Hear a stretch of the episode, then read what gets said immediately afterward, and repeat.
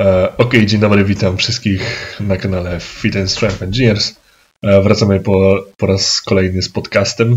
Troszeczkę nas nie było. E, tutaj muszę jakby uderzyć się w pierś, to jakby całkowicie moja wina. Po prostu przez ostatnich parę tygodni byłem tak zarobiony, tak zawalony robotą, że nawet nie zdążyłem, nie miałem kiedy skleić 3-minutowego zwiastuna kanału, który po prostu już w projektach siedził mnie siedzi u mnie już troszeczkę. No ale wracamy. Mamy nadzieję, że teraz regularność będzie troszeczkę lepsza. Planujemy też w razie czego zacząć, zacząć nagrywać przez Skype'a, więc jakby sam proces nagrywania się troszeczkę ułatwi. No więc dzień dobry, witam wszystkich. Z tej strony Krzysztof. Adam. No i witam w kolejnym podcaście. Dobra, może tak pokrótce, co u nas intro już minęło. To zaczynaj. Eee, już się rozgadałeś. Dobra, skoro, skoro już się rozgadałem, może zacznę od siebie. Eee, muszę po raz kolejny tutaj wysypać sobie popiół na głowę. Ostatnio miałem straszną, strasznie duży deficyt czasu eee, i no, od dwóch tygodni tak naprawdę nie robiłem żadnego treningu, nie miałem kiedy pójść na siłownię, no i będzie trzeba wracać. Akurat tak się zdarza, że w przeciągu ostatniego roku tych w cudzysłowie powrotów mam dosyć dużo. I no więc właśnie, samo ogarnianie tych powrotów zawsze jest takie dla mnie troszeczkę nieprzyjemne, bo się wraca i nagle okazuje się, że już nie może się wziąć dokładnie tyle, ile się brało. Adam, ty mówisz, że troszeczkę, że, że, że, że nie masz takiego problemu. Że... Nie, powrotu nie miałem w sumie. A nie, okłamałem cię wcześniej. Miałem jeden powrót, trwał on 6 dni, mhm. ale to coś mi przeskoczyło w biodrowo-lędźwiowym. Aha to przez te 6 dni nie mogłem się zgiąć. A po 6 dniach stwierdziłem, że przenieść to, idę zrobić ławę. Po 7 dniach stwierdziłem jebać, robię siady. I poszło. Ale tak, to to przerwy jako takiej nie miałem dwa lata, może trzy. Nie wiem. No mnie jakoś się tak tych przerw zawsze zbiera, czy to, czy to w związku z jakimiś wakacjami, czy to w związku z jakąś chorobą, czy taką, taką mikrokontuzją. No, na razie jedną taką faktyczną dużą, e, w miarę dużą kontuzją, gdzie faktycznie potrzebowałem pomocy kogoś z zewnątrz, to był właśnie biodrowo-lędźwiowy i taka fejkowa rwa kulszowa, o której, o której już zresztą opowiadałem, więc jakby nie masz sensu się rozgrywać. E, no i moja rada dla osób, które właśnie mają takie coś, coś co mnie zawsze spotyka, nie rzucajcie się na te ciężary takie same jak E, takie same jak przed tą waszą przerwą. No to jest logiczne, że troszeczkę wiecie, zapomnicie wzorca ruchowego, że, mm, że jakby wasze mięśnie też się odzwyczają, układ nerwowy trochę zluzuje. Układ nerwowy swoją drogą to jest pierwsze, co popuszcza, więc no nie ma co się bać, jakby z obwodów się spada troszeczkę później, ale siła idzie w dół, moim zdaniem drastycznie przy takich przerwach. Tak więc ja bym zawsze radził, jeżeli, jest, jeżeli macie możliwość, potrenujcie chociaż na, takich, na takim deloadowym obciążeniu, powiedzmy 60-50% tego obciążenia maksymalnego, taki 80%, 70% tego, co robicie normalnie na treningu, bo no zawsze ten wzorzec ruchowy będzie zachowany, jakoś tam głowa będzie przyzwyczajona do sztangi na plecach, nie trzeba będzie się te, do tego wszystkiego wdrażać z powrotem. A tak nagle założycie sobie ten, ten sam ciężar, który mieliście przed przerwą i nagle będzie frustracja, bo no nie podniesiecie tego, no nie ma takiej opcji. Ale też wraca się szybko. Z mojej strony dla osób mocno nadpobudliwych, którzy już nie mogą wytrzymać bez ciężaru, bez machania jakiegoś trochę bardziej psychotycznego, polecam rzucać się, ale na coś, w czym nie wiecie, na ile was stać. O, dokładnie. Jakieś Czyli... ćwiczenie pomocnicze, które robicie zwykle, no dajmy na to na 10-15 powtórzeń i zróbcie sobie, nie wiem, na 5. Zobaczycie, na ile was stać i przy okazji zaspokoicie swój głód. To samo też moim zdaniem może tyczyć się deloadów, nie? Jeżeli masz deload i jesteś napobudliwy, ja sobie do deloadu dorzuciłem na przykład rumuński martwy ciąg, którego nie robiłem od ponad pół roku.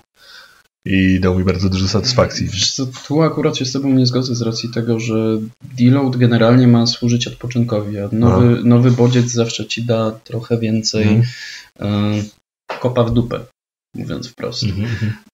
Więc tu akurat się nie zgodzę, aczkolwiek też e, z założenia uważam, że deload jako taki, w, te, e, w, tym typowym e, jego znaczeniu, to znaczy, nie wiem, 70% objętości i 70% intensywności, generalnie powinien być tylko takim albo ostatnim bastionem, Mm, albo może w ogóle w sytuacji, w której jesteśmy przed zawodami i tyle. Mhm. Dla osoby, która trenuje po prostu, żeby być silniejsza, nie widzę sensu robić deloadów. W ogóle? Jeżeli nic konkretnego się nie dzieje, to znaczy, nie wiem, jeżeli nie jestem wymuszony czynnikami życiowymi, tak jak teraz u Ciebie, Mhm. nie? Praca i nie możesz sobie pozwolić na takie duże objętości, więc tak. obcinasz objętość pół. No tak, ale I na przykład też jeżeli chcesz dojść do ściany, po prostu mamy, mamy sytuację, gdzie po prostu koleś idzie, robi tą progresję, e, czy to falowo, liniową, no nieważne, zatrzymał się powiedzmy, dochodzi do jakiegoś ciężaru, że cały czas z kalkulatora wynika mu tyle samo, no to moim zdaniem chyba dobrze by było, jakby zrobił sobie tydzień deloadu i to tak jakby jest. Chociaż to jest w sumie czynnik zewnętrzny. Ale znów, y, znów też pytanie, czy mówimy o deloadach w sensie tradycyjnym, tak? Czyli pełen odpoczynek dla, dla układu, czyli odcinamy i objętość i intensywność, czy mówimy o deloadzie tam, jakimś tam taktycznym, tak? To Mhm. wtedy możemy tylko y, zdecydować się na odcięcie tylko jednego z dwóch tych em, czynników. Tak, czy to intensywność, czy to objętość. Yy, A jeżeli chodzi właśnie o osobę taką, która ma jakieś tam plato i chciałoby je przebić w inny sposób niż robienie deloadów, to są inne metody. Tak, możemy na przykład zamiast ćwiczeń, to też w pewnym sensie jest obcięcie objętości lub intensywności, tak, ale zamiast e, pracy objętościowej lub e, ciężkiej, możemy sobie wrzucić szybkościówkę chociażby, Mhm, nie? no na tak, tydzień czy dwa, albo zrobić e, w ogóle po prostu zmienić program. Mm, Też często osoby, zresztą nawet pewnie paru naszych znajomych, maniakalnie, e, mówię tu do ciebie Jędrzej, jeśli to, tego będziesz słuchał, maniakalnie siedzi na Starting Strength i, i Teksasie Aha, aha. e, czy tym podobnych. I o ile te programy są na pewno bardzo dobre, o tyle nawet głowa się męczy, nie? No, można się zanudzić swoją drogą, nie? A, znaczy ja nawet jak nie zmieniam programu, to lubię jakieś nowe, nowe metody progresji do tego wprowadzać. To co ci o tym mówiłeś, szybkościówka, czy choćby e, jakieś tam zmieniać akcesoria pauzowane. Pewnie, albo po prostu zrobić dwa, dwa czy trzy tygodnie przejścia w inny program. Aha, aha. Dajmy na to, chcemy zrobić jakiś program o bardzo dużej objętości. I powoli dokładamy. Nie? Wywalamy naszą objętość, wstawiamy połowę tamtej, drugą połowę tamtej. To dam, mamy nowy program. No tak, tak.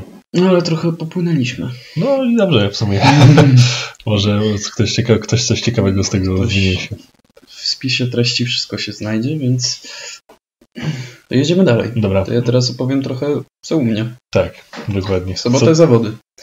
E, Startuję w Mistrzostwach Polski w sprzęcie, teraz w tę sobotę, czyli to jest e, 2 grudnia. Co? Będzie drugi. Mm, Tak, w kategorii mm, do 93, czyli bez zmian. Zdecydowałem się na start full power, w sensie wszystkie boje w sprzęcie, bardzo mocno na YOLO.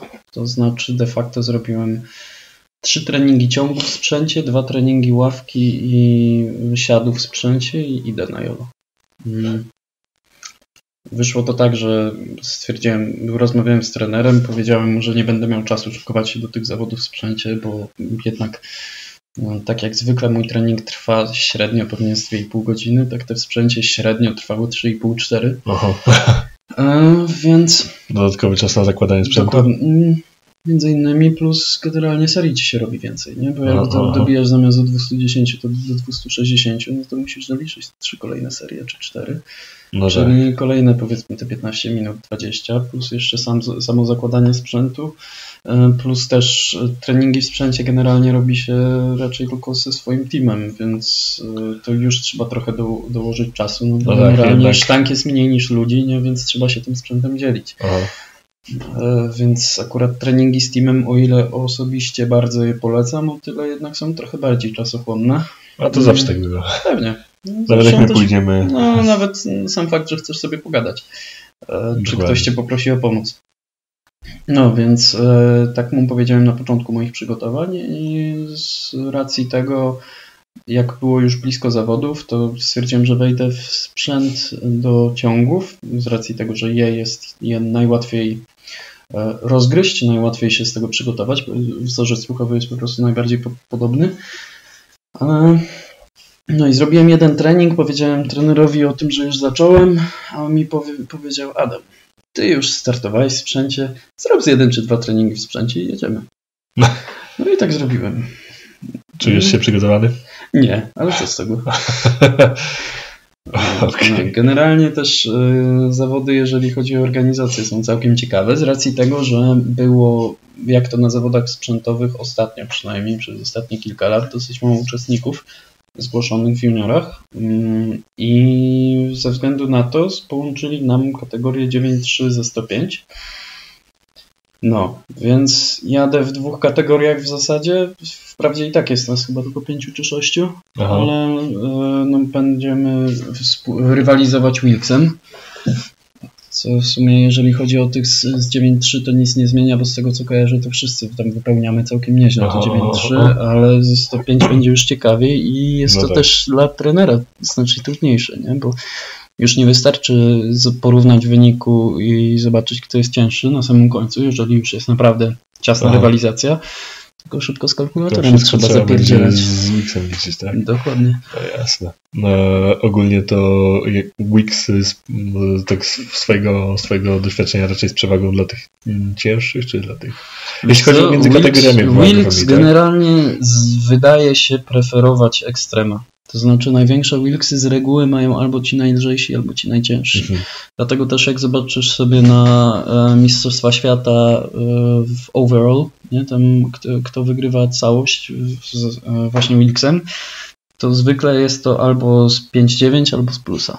Aha. W przypadku mężczyzn. No i zresztą ostatnio też cały czas rywalizowali Fiedosienko, Rusek z 5-9 z mm -hmm. Williamsem ze Stanów z no tak, plusa. Tak, tak z czego Fedosienko waży chyba 5,5, 5,6, coś koło tego, nawet nie wypełnia tej swojej kategorii, a Williams waży chyba no, 180. Coś takiego. waży więcej niż świat. no niestety, jeszcze. jeszcze. Ale spokojnie, może przypulkować. No może, no, mam nadzieję. Wrócę i ten Swoją drogą, no. W każdym razie, e, no tak, mamy połączone te kategorie i będę współ, współzawodniczył e, z braćmi zaniewskimi, Dawid i Patryk, z czego Dawid jest rok starszy ode mnie i jest kosmicznym dzikiem. E, on będzie celował w wynik około 720. Impressive. A skoro z kolei Patryk Zaniewski jest wicemistrzem świata subjuniorów, on też dopiero co, dopiero co przeszedł do juniorów, teraz dopiero co poszedł na studia. I mm, no, on startuje, właśnie swoją drogą obydwoje startują bez sprzętu. Mhm. Więc tak, żeby, żeby była jasność. Ja będę z nimi współzawodniczył z tą różnicą, że ja będę w sprzęcie, a oni bez. Czekaj, czekaj. czekaj. Tak. Co? No, Dawid startuje w samych bandażach na kolana, Aha. a Patryk yy, RAF będzie startował z tego, co mi mówił. No swoją drogą to są moi koledzy z uczelni i z e, AZS-u, z tym, że oni e, na, okay. na zawodach krajowych startują w innym klubie z racji tego, że z jakiegoś tam klubu przyszli, a u nas startują tylko w akademii. E, czyli na zawodach sprzętowych będą startowali w RAP. Dobrze tak. Tak, dokładnie tak. Nie bawią się w sprzęt. Okej. Okay. Idą na zawody, żeby się pobawić. Mm. Spoko. No, szacun dla chłopaków. Będę jeszcze współzawodniczył z Sewerynem. Seweryn w zeszłym roku wygrał właśnie ze mną. Wkurzyłem się, bo rywalizacja w zeszłym roku była bardzo ciasna, naszej trójki. Koniec końców Seweryn wygrał ze względu w zasadzie na mądry dobór podejść. Aha, aha. Ja przegrałem i miałem trzecie miejsce ze względu na to, że zabrakło mi doświadczenia w tym sprzęcie i sfailowałem dwa drugie podejścia właśnie przez to, że nie wyczułem sprzętu po prostu. No i chłopak, który ze mną wygrał i zdobył drugie miejsce, wygrał nie wiem jakim cudem. Kurde, on chyba tylko na serduchu już wciągnął te 2,5 kilo więcej ode mnie, ale tak paskudną techniką, że ja nie wiem jak on to dociągnął. No ale szacun dla chłopaka w każdym nie, no, razie. No, jasne, jasne. W tym roku on nie startuje. E, ale startuje jakiś inny, którego nie znam jeszcze. No więc yy, będzie wesoło. Jeszcze, żeby trochę podciągnąć yy, może nie tyle ego, co morale na tym samym podejście będzie startował razem z nami yy, w tym samym czasie zresztą, z tego co zrozumiałem przynajmniej z programu minutowego, Krzysztof Wierzbicki. Wow. Dla tych, którzy nie wiedzą, mistrz świata w 105, rekordzista świata w, Martwym ciągu. w totalu chyba też. Chyba ma martwy ciąg największy ze wszystkich E, wag, co? Total, y, wiesz co, martwy ciąg w tej chwili RAF ma nieoficjalnie największy w IPF-ie. e, Oficjalnie największy ma Williams, Mhm. aczkolwiek Wierzbicki na zawodach, e, na Mistrzostwach Polski już wciągał 4 paki, a Williams wciągał 390. Aha, aha. Więc, A- a... a w sprzęcie z kolei Krzysiu wciągnął 420. Właśnie to, to teraz we Wrocławiu, tak? Tak. No, Tak, to jest bardzo, bardzo ładne podejście, z tego co pamiętam. Takie wyglądało bardzo lekko. No, no. Także generalnie Krzysiu będzie z nami startował, Niestety. raczej w sumie my z nim, bo on będzie zabierał wszystkie talerze.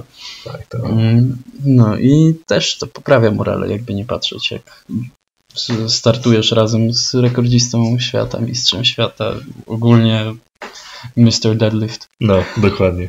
Ale też co fajniejsze, że jeśli chodzi o, zauważyłem ten powerlifting, to ci nasi mistrzowie są coraz popularniejsi, tak? No właśnie o Wierzbickim coraz więcej osób słyszało, tak samo jak o panu Olechu, nie? Co jeszcze... Znaczy, wiesz co, akurat w, jeżeli chodzi o Jarka Olecha, Aha, Jarek Olech, 16-krotny mistrz świata z Dokładnie. rzędu w sprzęcie, z rzędu, podkreślam. E, Facet ma już 40 parę lat Mhm. i cały czas jest nie do pokonania. W tym roku tylko jakiś koleś się trochę do niego zbliżył, ale to jeszcze myślę, że ze 2-3 lata pociągnie Jarek bez problemu. no. E, To on, jeżeli chodzi o trójbój międzynarodowo, to już jest legendą. Tak, Nie? ale To wiesz... w Polsce on się mi- dopiero zaczyna robić popularny z O to mi tego, chodzi. że e, swoją drogą, mm, nie wiem czy wiesz, nie wiem czy wiecie, Jarek Olech jest najbardziej utytułowanym polskim sportowcem w historii. Mhm, tak, to prawda. 16 mistrzów świata, 3 chyba, no chyba 3 e, złota z World Games. World Games to dla tych, co nie wiedzą, olimpiada dla sportów nieolimpijskich, tak w uproszczeniu. E, I no, tytułów mistrza Europy to on ma chyba z 10, ale to tylko dlatego, że nie startował Mhm. w większości, on generalnie się do nich nie szykuje. Bo po co? No, startuje chyba tylko dwa razy do roku. Mm, Albo nawet tylko raz chyba. No właśnie. Już nie wiem. Mm, Mistrzów Polski też ma z 10. Rekordów w, swoim, w swojej karierze ma chyba ponad 30. Żeby nie skłamać, nie wiem, ale jakoś kuriozalnie dużo. No, ale dobrze chociaż idzie, według mnie idzie ku lepszemu, bo jakby zaczyna być sponsorowany choćby przez taką firmę jak Poundout i Tak, ktoś, tak. Tam, ktoś tam, e, ludzie zaczynają udostępniać te informacje, to się zaczyna coraz bardziej szerzyć. No tak jak mówisz, no w świecie, w świecie powerliftingu, w świecie trójboju, no to no, raczej się zna tego człowieka, tak? smutne, smutne jest to, że odnoszę wrażenie, że więcej osób zna Barber Brothers niż, niż Olecha.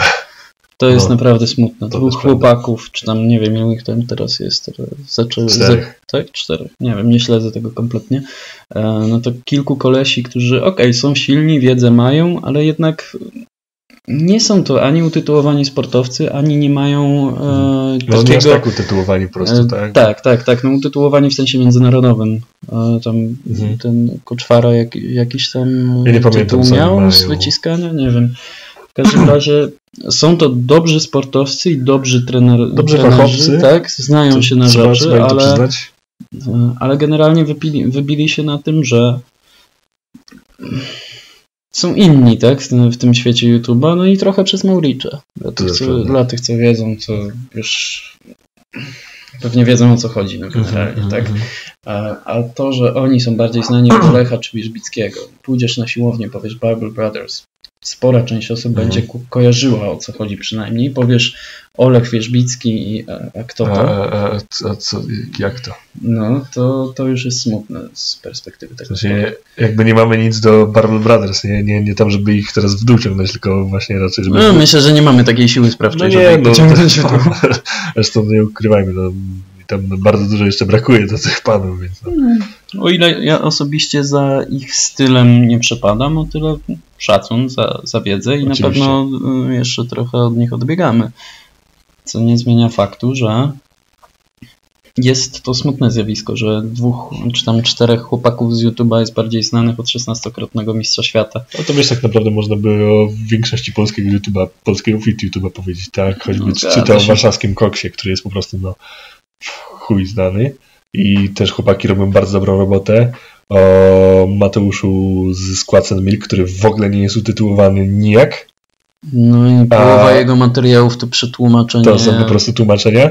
I Omara ile, Isafa i, tak, i o ile i na przykład, Nagosa o ile, i tego Iz, Izra, Izraela. Nie Izraela. Izraela. Właśnie. Izrael, Nigdy nie umiem wypowiedzieć. Izrael to, to, to, to, to na wschodzie. No to sorry, sorry, sorry Mateusz, ale kurwa, no przepraszam. Mm, znaczy też, no, nie, można by się przyczepić do tych materiałów, ja też tam się nie ze wszystkim z nim, z nim zgadzam, ale no jakby wykaz jakby fejmu nie jest wprost proporcjonalny do, do tytułów, ani do wiedzy, którą się posiada. Absolutnie.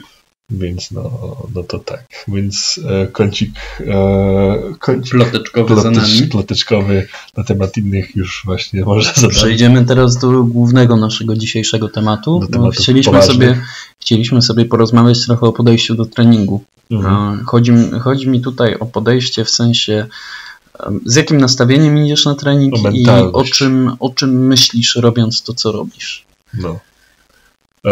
Tutaj to też może ja zacznę w taki sposób, że ja bym to podzielił tak jakby na dwie, na dwie metody. To kiedyś ktoś powiedział, e, ktoś powiedzmy, nie, nie pamiętam kto to był, czy to był Paweł z DSM, może.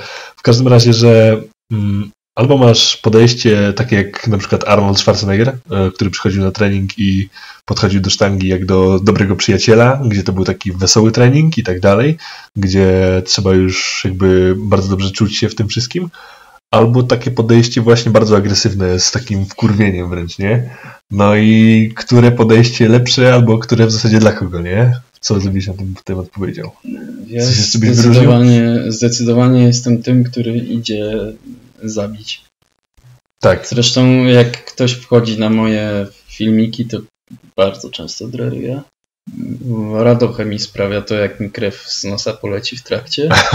E, moim najbardziej dumnym chyba filmikiem, jaki mam z jakiegoś treningu, jest w momencie, jak robię chyba maksa na trzy powtórzenia w ciągu, czy cztery, już nie pamiętam, Aha. i na tyle mi dużo krwi poleciało, że e, miałem usta pełne tej krwi. Aha, aha. Na koniec dumnego powtórzenia stanąłem i wiesz, splunąłem taką mgiełką krwi. jak, jak wiking po prostu, nie? tak, i to mi daje największą radochę, ale z drugiej strony też w pełni szanuję i w pełni podziwiam tych, którzy są w stanie podejść do tego w pełni spokojnie albo sobie jaja robić jeszcze w mhm. trakcie. tak, tak. A ja na przykład jak ktoś mnie zirytuje w albo nawet się do mnie odezwie, to już nie chodzi o iryt- zirytowanie mnie, bo to akurat w, tej, e, w takich okolicznościach całkiem prosto. Jak ktoś po prostu do mnie podejdzie i zagada, to już na niego krzyczę. Nie? Żeby Ale wiesz co, no ja też, ja też raczej nie toleruję już podchodzenia w trakcie serii. Dla mnie, jak ja już się zbliżam do tego do sztangi, nawet, wiesz co, mi nie chodzi o... To już jest nara. W trakcie serii, tylko mhm. jak ktoś, wiesz, nawet jestem na treningu sekcji i ktoś się ze mną wita wita, jak ja jestem powiedzmy z minutę przed podejściem, mhm. to ja od razu mówię nie teraz i już te osoby na tyle mnie znają w większości przynajmniej, że wiedzą, że e, pogadamy za 5 minut i za tak. 5 minut zbiję pionę i się pośmieję, ale nie teraz.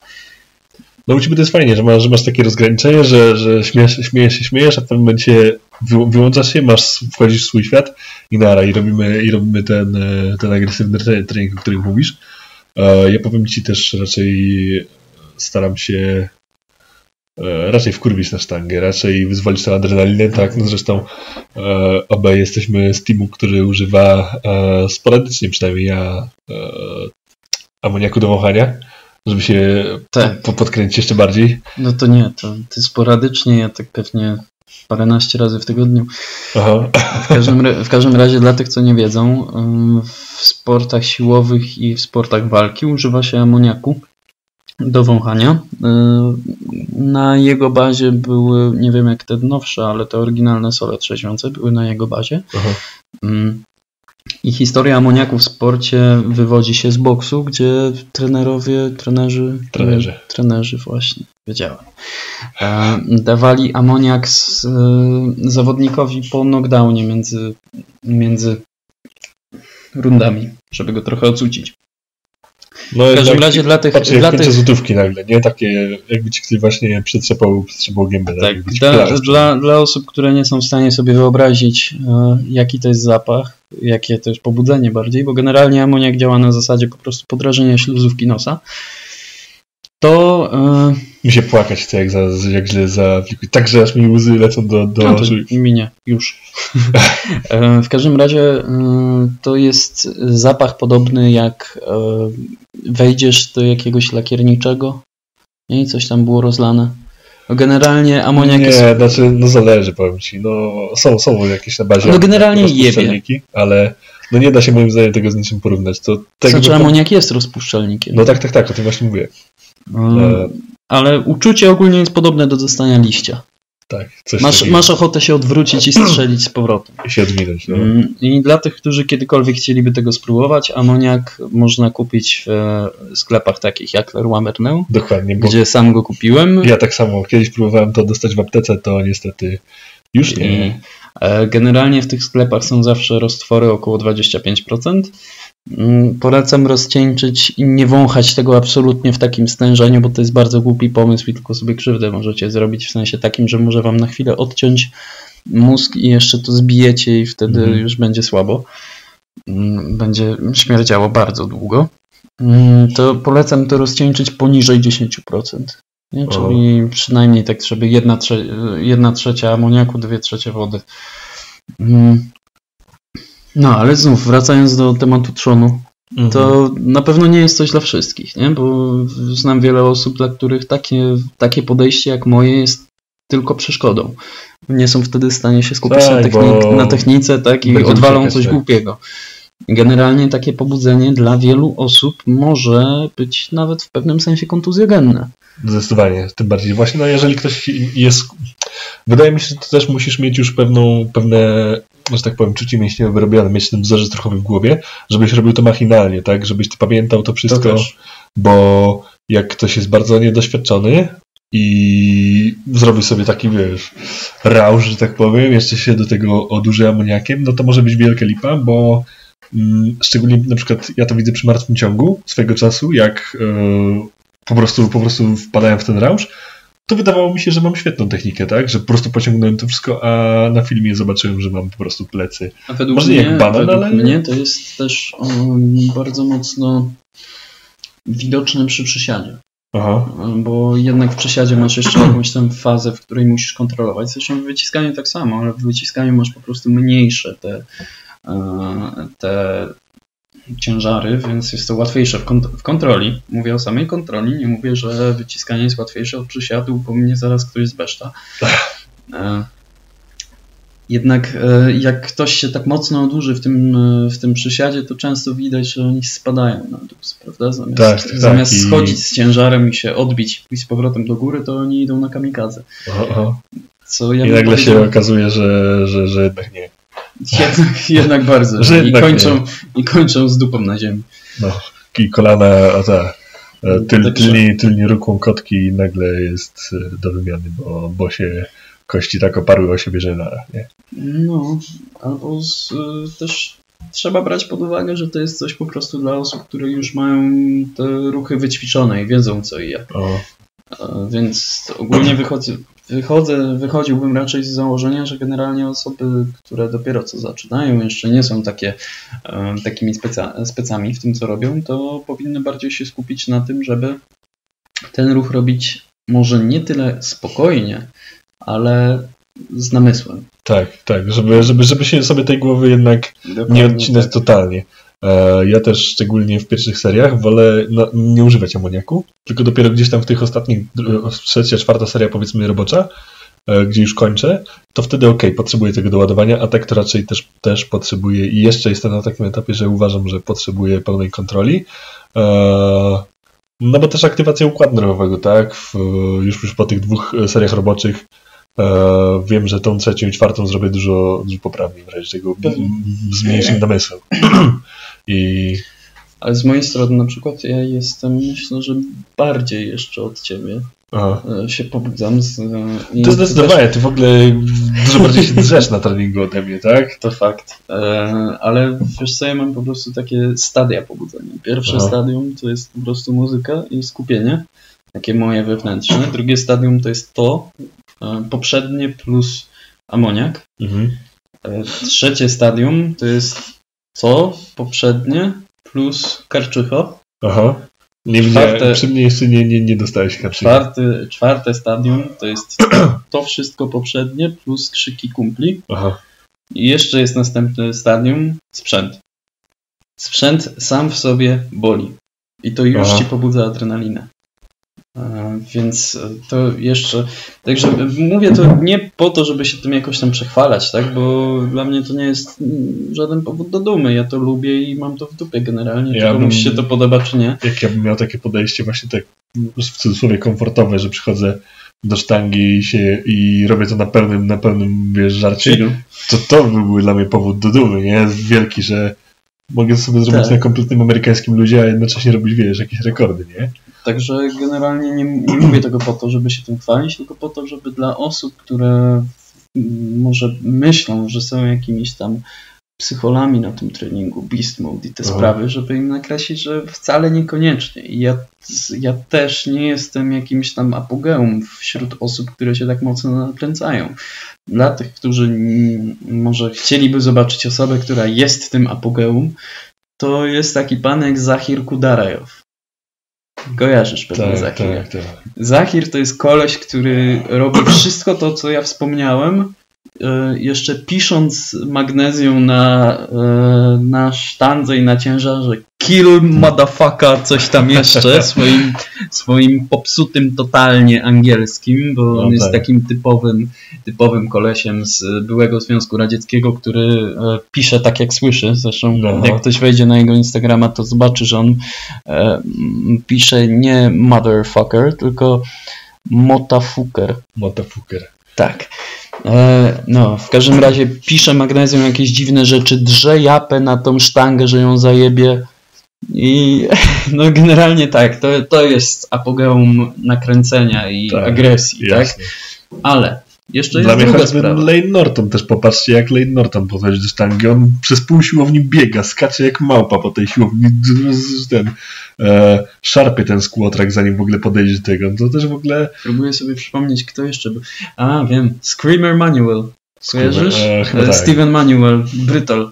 Też e, były wicemistrz Europy i był rekordzista w przysiadzie w kategorii do 105. On też podchodzi drżąc do przysiadu najbardziej. On podchodzi, drze japę i z klaty wpierdala się w tą No, sztangę. no. I ty cał... e, Spójrzcie sobie, jak podchodzi 105-kilogramowy chłop, wbiega na sztangę, na której jest ponad 300 kg, cały stojak się buja, jeszcze trzech kolesi musi te stojaki trzymać, żeby to się nie wyjebało. Więc e, Do jeszcze... tego sobie robimy jeszcze można troszeczkę dołożyć, tak? E, no też fakt faktem, że wiele osób tak jakby no, ćwiczymy w siłowniach do jakby nie patrzeć publicznych, no ty ewentualnie masz tą siłownię AZS, chociaż to jest poniekąd publiczna siłownia. No, tam, No- tam mogę robić co chcę. Tak, tam możesz robić co chcesz, ale na, na przykład e, ja zostałem upomniany, byliśmy na treningu ja, ty, Janek i chyba bracia tak. tak. i, i jak przyszedłem do toalety, to podszedł do mnie trener i poprosił, że jakbyśmy mogli być troszkę ciszej tam w tej sali cross. Oczywiście nikt tam nie przyszedł do, do tej naszej sali, ale, ale jak już ja tam byłem, to mnie poprosili, żebyśmy tak się nie darli. Zaletą, zaletą tego, może nie wiem, nie wiem czy w aż takim stopniu twojego, ale zaletą mojego podejścia, zwłaszcza jak robię siatczy ciąg, gdzie już liczby są dla typowego bywalca siłowni komercyjnej raczej e, niespotykane. To. E, to nikt mi nie przeszkadza. Nie ma bata, żeby ktokolwiek mi z dupę zawracał. Ja ewentualnie czasem widziałem jakieś tam podśmiechujki z tym, może nie podśmiechujki, ale że e, Komentarze. komentarze i tego typu rzeczy. No wiem, że wiem, że ludzie się odwracali, a najbardziej to widać po prostu. Ja tego podczas, podczas treningu bardzo często nie widzę, czasem mi się zdarzy i to mnie też wkurwia swoją drogą, ale już nic tam nie, nie, nie, nie daje się jakby w jakieś dyskusje. W każdym razie najczęściej ja to widzę po prostu na filmikach, które sobie nagrywam jak, jak robię, że że nagle ja, ja robię przysiad, czy tam robię martwy ciąg, a z tyłu na, na, na filmach u, u, e, łapią się jacyś kolesie, którzy tam patrzą, coś tam gadają do siebie i, te- i tego typu rzeczy. To ja kiedyś na filmiku znalazłem. Na filmiku uwieczniła się dziewczyna, która stała za mną i mnie nagrywała. ja- To, to mnie wkurzyło, naprawdę. No, w każdym razie. Mnie też raz typek nagrywał, ale Mm, Jeszcze dla e, rozwinięcia tematu to, że ktoś pode, podchodzi agresywnie, niekoniecznie musi znaczyć, że jest tak bardzo ekstrawertyczny jak my. Tak. Nie? Bo są osoby, które podchodzą bardzo, bardzo agresywnie do tego ciężaru e, i są, wydają się przynajmniej być bardzo spokojni. I taką osobą może być kto na przykład? Eddie Hall w sumie. On podchodzi pewny siebie, widać, Tak, widać, tak, widać na jego twarzy wyrysowaną pewność siebie i widać e, w jego oczach jakąś tam agresję, ale Mhm. poza tym on się ani nie drze, ani jakoś nie skacze, ani nie podbiega. E, Kompletnie, kompletne przeciwieństwo, jeżeli chodzi o ten ekstrawertyzm No tak, jego tak, tak. konkurenta swego czasu, Benny Magnusson który z kolei pod, podchodzi, drze japę, ciągnie tą sztangę, starza się kurwa z nią, zajebiście wygląda. Po prostu jakby lew złapał do, do No, zdobycz. robi większy show niż Eddie Hall. Zdecydowanie, chociaż... Znaczy, e, inaczej. No, E, jakby ciężary Ediego Hola robią, robią większy show, ale No tak, ale Benny sama, wcale sam daleko za nim nie- nie performance wokół tej, tej sztangi robi nie? To, tak, zdecydowanie tak. E, I znów też taki zawodnik jak e, Jesse Norris. On też e, były mistrz świata w 9-3, teraz powoli wraca do, do zawodów. No niestety ja akurat nie znam. Nie znasz? Nie. Mm. Żeby nakreślić poziom jego siły, Mhm. on siadał 300 z hakiem, wyciskał 200 z hakiem i wciągał chyba 330. Aha. Coś Okej. koło tego. Wygrał z Burtonem. A, no to spoko. Tak, żeby ci dać, no, dać ten jakiś poziom odniesienia. E, On też w jakimś tam wywiadzie z nim e, ze sobą mówił, że e, on jest bardzo agresywny, a spojrzysz na niego i wygląda jak ściana. No, I też jeżeli chodzi o to, jak tak, jeżeli właśnie chodzi o to opanowanie, to też takim przykładem jest właśnie Olek czy Krzysiu. O tak, tak, to jest dokładnie. Oni, Przecież w ogóle... zresztą, jak sobie obejrzycie e, jakieś zawody z wierzbickim, to posłuchajcie komentatorów. Że No on, dokładnie. on Wygląda, podchodzi, podchodzi do tej sztangi, do tych 400 kilo, jakby w ogóle nie jakby istniał. go to nie obchodziło, nie? Jak Tak, on, on, Krzysiu to jest po prostu dla mnie no, taka kamienna twarz. także... Zawsze podziwiam. Nie, w- A to, co siedzi mu w głowie, to, No, to już jest tylko on sprawa. sam wie. Prawda? Bo on może być bardzo agresywny, zresztą on po zawsze po lic- zaliczonym podejściu, tym jakimś rekordowym skacze jak wariat No, z tak, drugiej tak. strony, więc to też jest jakiś tam wskaźnik, że on nie jest Widać, wcale taki wyciszony. Jemu, on musi się wyciszyć przed serią, nie? Przed tym, przed, Dokładnie. przed liftem zasadniczym. Mm, dokładnie. Ale z kolei był jeszcze taki jeden zawodnik, który w ogóle był po kompletnie drugim, drugiej stronie spektrum. Za Chiny nie mogę sobie teraz przypomnieć jego nazwiska, ale miał ksywkę The Ant. Mrówka. Koleś, e, taki 50 chyba 5-kilogramowy czarny facet, który w ciągu miał chyba 270. Koło tego. Ładnie. Niesamowite liczby. On miał y, chyba zresztą nadal rekord. Nie, rekord świata został pobity jego jakoś niedawno przez e, jakiegoś Amerykanina też. Z tym, że ten Amerykanin ma jakąś dysmorfię i ma e, Aha, to, tors, e, tors jak karła i nogi jak normalnego człowieka, Aha, więc on ma tak okej. niesamowitą tą dźwignię. No w każdym razie, tak, e, Mrówcia mówił w, w, właśnie on jest e, sponsorowany przez Animala, więc jak Aha. ktoś sobie wpisze The Cage czy coś w tym stylu, to jest event organizowany przez Animala, to pamiętam, że właśnie tam był ten wywiad z, z Mrówcią, e, gdzie on opowiadał o, sobie, o swoim podejściu do ciężaru i on wielokrotnie przed tymi swoimi najcięższymi e, podejściami płacze. Tak. No to mnie zaskoczyłeś. No. On, e, on zawsze e, opowiadał o tym, że musi się w pełni wyciszyć i w momencie, kiedy nie ma żadnej myśli w jego głowie, on dopiero wtedy jest Aha. gotowy. A to ciekawe. Także to już jest kompletnie druga strona spektrum, bo tutaj już nie mówimy o kolesiu, który jest wyczynowany, nie mówimy o kolesiu, który podchodzi z pewnością siebie i z jajem do tego, tak? Tak jak mówiłeś o. Arnoldzie, tylko o kolesiu, który się kurwa wzrusza. Wzrusza przed robieniem rekordu świata. Do chuja pana, dla mnie to jest kompletnie niepojęte. Z moim No, podejściem, wiesz jak ja ci, słuchałem, Że... jak ja widziałem, Totalnie jak on podchodzi do, wiesz, 220, chyba 500 funtów w siadzie, nie? Taki Aha. mały, mały skurczysyn. I ja zobaczyłem, że on ma łzy w oczach. No Wow. kurwa.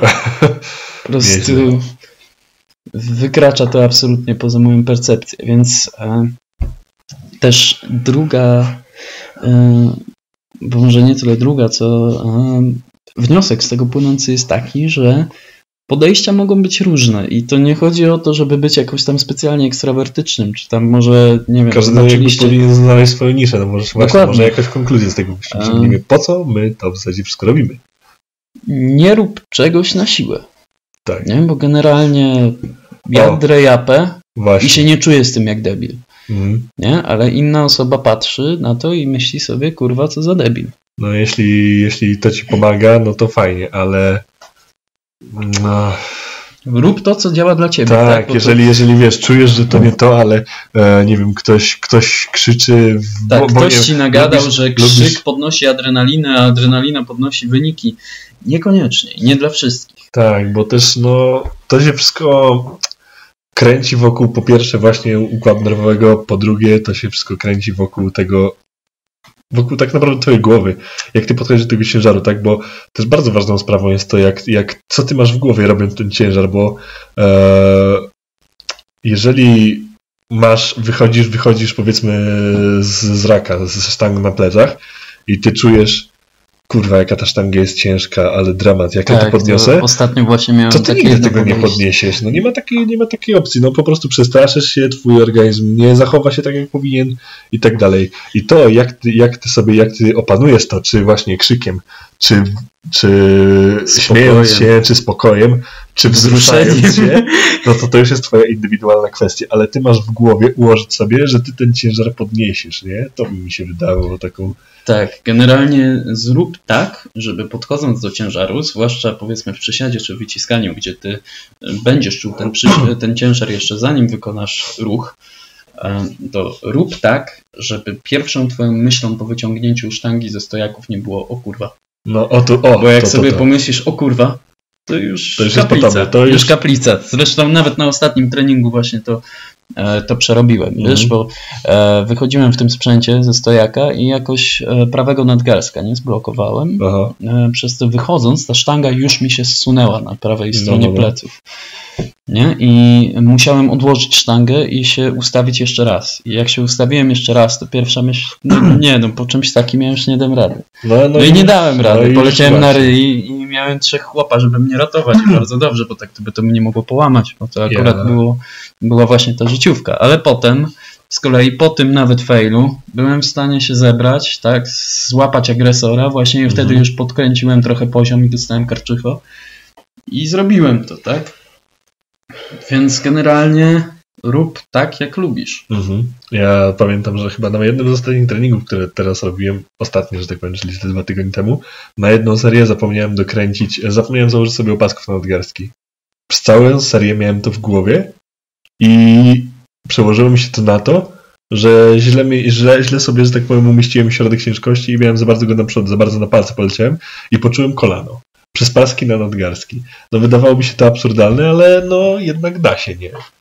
I wiesz, bo stwierdziłem, a chuj, zrobię, zrobię tak, nie? A jednak trzeba było odłożyć i założyć jeszcze raz i nie rozpraszać się. Zwłaszcza na treningu, nie? Bo taka rzecz też mogłaby się zdarzyć na zawodach na przykład. O, to tak. I wtedy już masz czas ograniczony. No, dokładnie. I wtedy to już wiadomo, że to już jest wyższy poziom, tak? Ale taki zawodnik musi umieć się na tyle w sobie zebrać, żeby o tym nie myśleć po prostu. No, I właśnie też... No, też to, to, o czym mówimy, ta cała rola psychiki, to nie tylko ma mm, też odniesienie do tego, czy ty podniesiesz dany ciężar, czy też nie, ale też najzwyczajniej do tego, czy będziesz się trzymał tego, co zdecydowałeś, tak? Czy nie pójdziesz na trening z rozpiską jakąś tam i będziesz miał trochę gorszy nastrój tak, i bo... a zrzucę może 10 kilo mniej. Nie? Tak, bo też to, co ty ostatnio mówiłeś, nie? że no, trzeba się też nauczyć robić e, lifty w gorszych warunkach. Pewnie. Bo jak pojedziesz, bo je, szczególnie no, jak ktoś trenuje sobie rekreacyjnie, no, to tak naprawdę no, pies to jebał, nie? No, tak i nie. No z jednej strony nie masz. Ty, to, co się tyczy zawodników, to jest jakby mm, oczywiste, prawda? Mhm. Ale jeżeli chodzi o zawodników rekreacyjnych, to mamy tutaj też ludzi, którzy z tego treningu chcą czerpać świadomie bądź nieświadomie inne korzyści niż tylko fizyczne. No to prawda. Tak, a mm, myślę, że nie jest niczym e, nieznanym fakt, że sport też hartuje ducha, jakby nie znaczy, patrzeć. jakbym ja chodził tylko i wyłącznie patrząc na cechy, na, na nakształtowanie całych fizyczności to już dawno to olał, nie? Dokładnie. Bo... Więc też to, to, to o czym mówimy, to się tyczy nie tylko pojedynczego podejścia, ale też pojedynczego mhm. treningu, pojedynczego cyklu treningowego i tak dalej. Też trzeba mieć odpowiednie o. podejście do tego, żeby w ogóle tego sportu nie rzucić w cholerę. Otóż to. No, no tak, no bez progresu, no to ileż można ciągnąć, nie? Dokładnie. E, no ale wracając jeszcze do zawodników, no tym bardziej właśnie u zawodników widać to najlepiej. Ujmę to w ten sposób. Nie wiadomo jak będzie na zawodach tak naprawdę. Nie wiadomo czy, czy akurat nie dostajesz straczki, czy tam nie wiem, nie, nie podziębisz się. Co, a ja ci dam bardziej ekstremalny wypadek. No, no, no.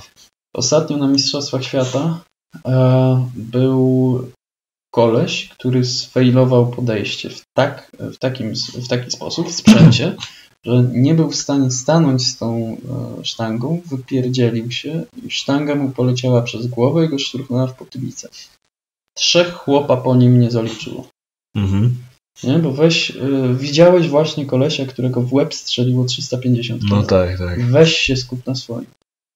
Nie? Czy nawet takie sytuacje, że zdarza się, zdarzyło się, że to już któryś z tych zawodników, tych weteranów w, w sprzęcie wielowarstwowym opowiadał, że była taka sytuacja, że kolesiowi właśnie koszula pękła, połamało mu no. kości, nie? Przyjechała po niego karetka, w ogóle no trochę hardcore, trochę sytuacja podobna jak u Wałgi, nie? Tak, tak, tak. Ostatnimi czasy, gdzie mu ile? 300...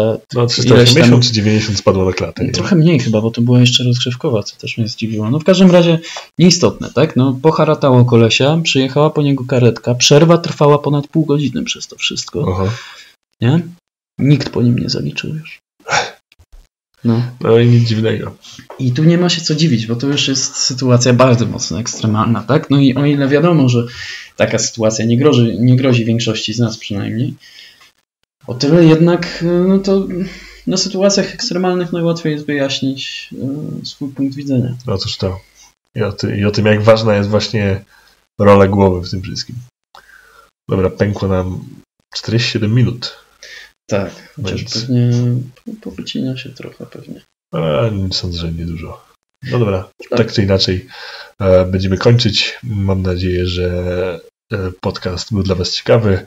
Czekajcie na następne odcinki, może sądzę. Lajkujcie, szerujcie, subskrybujcie. Wie, wiecie, co trzeba robić tam tak, na dole. Tak, tak. Obsmarujcie nas też, jeśli trzeba. O, koniecznie. Jak jest za cicho, to też napiszcie, że głośniej kurwa, czy coś takiego. Cokolwiek. Cokolwiek anyway. Tak więc dziękujemy wszystkim za uwagę i do zobaczenia do następnym razem.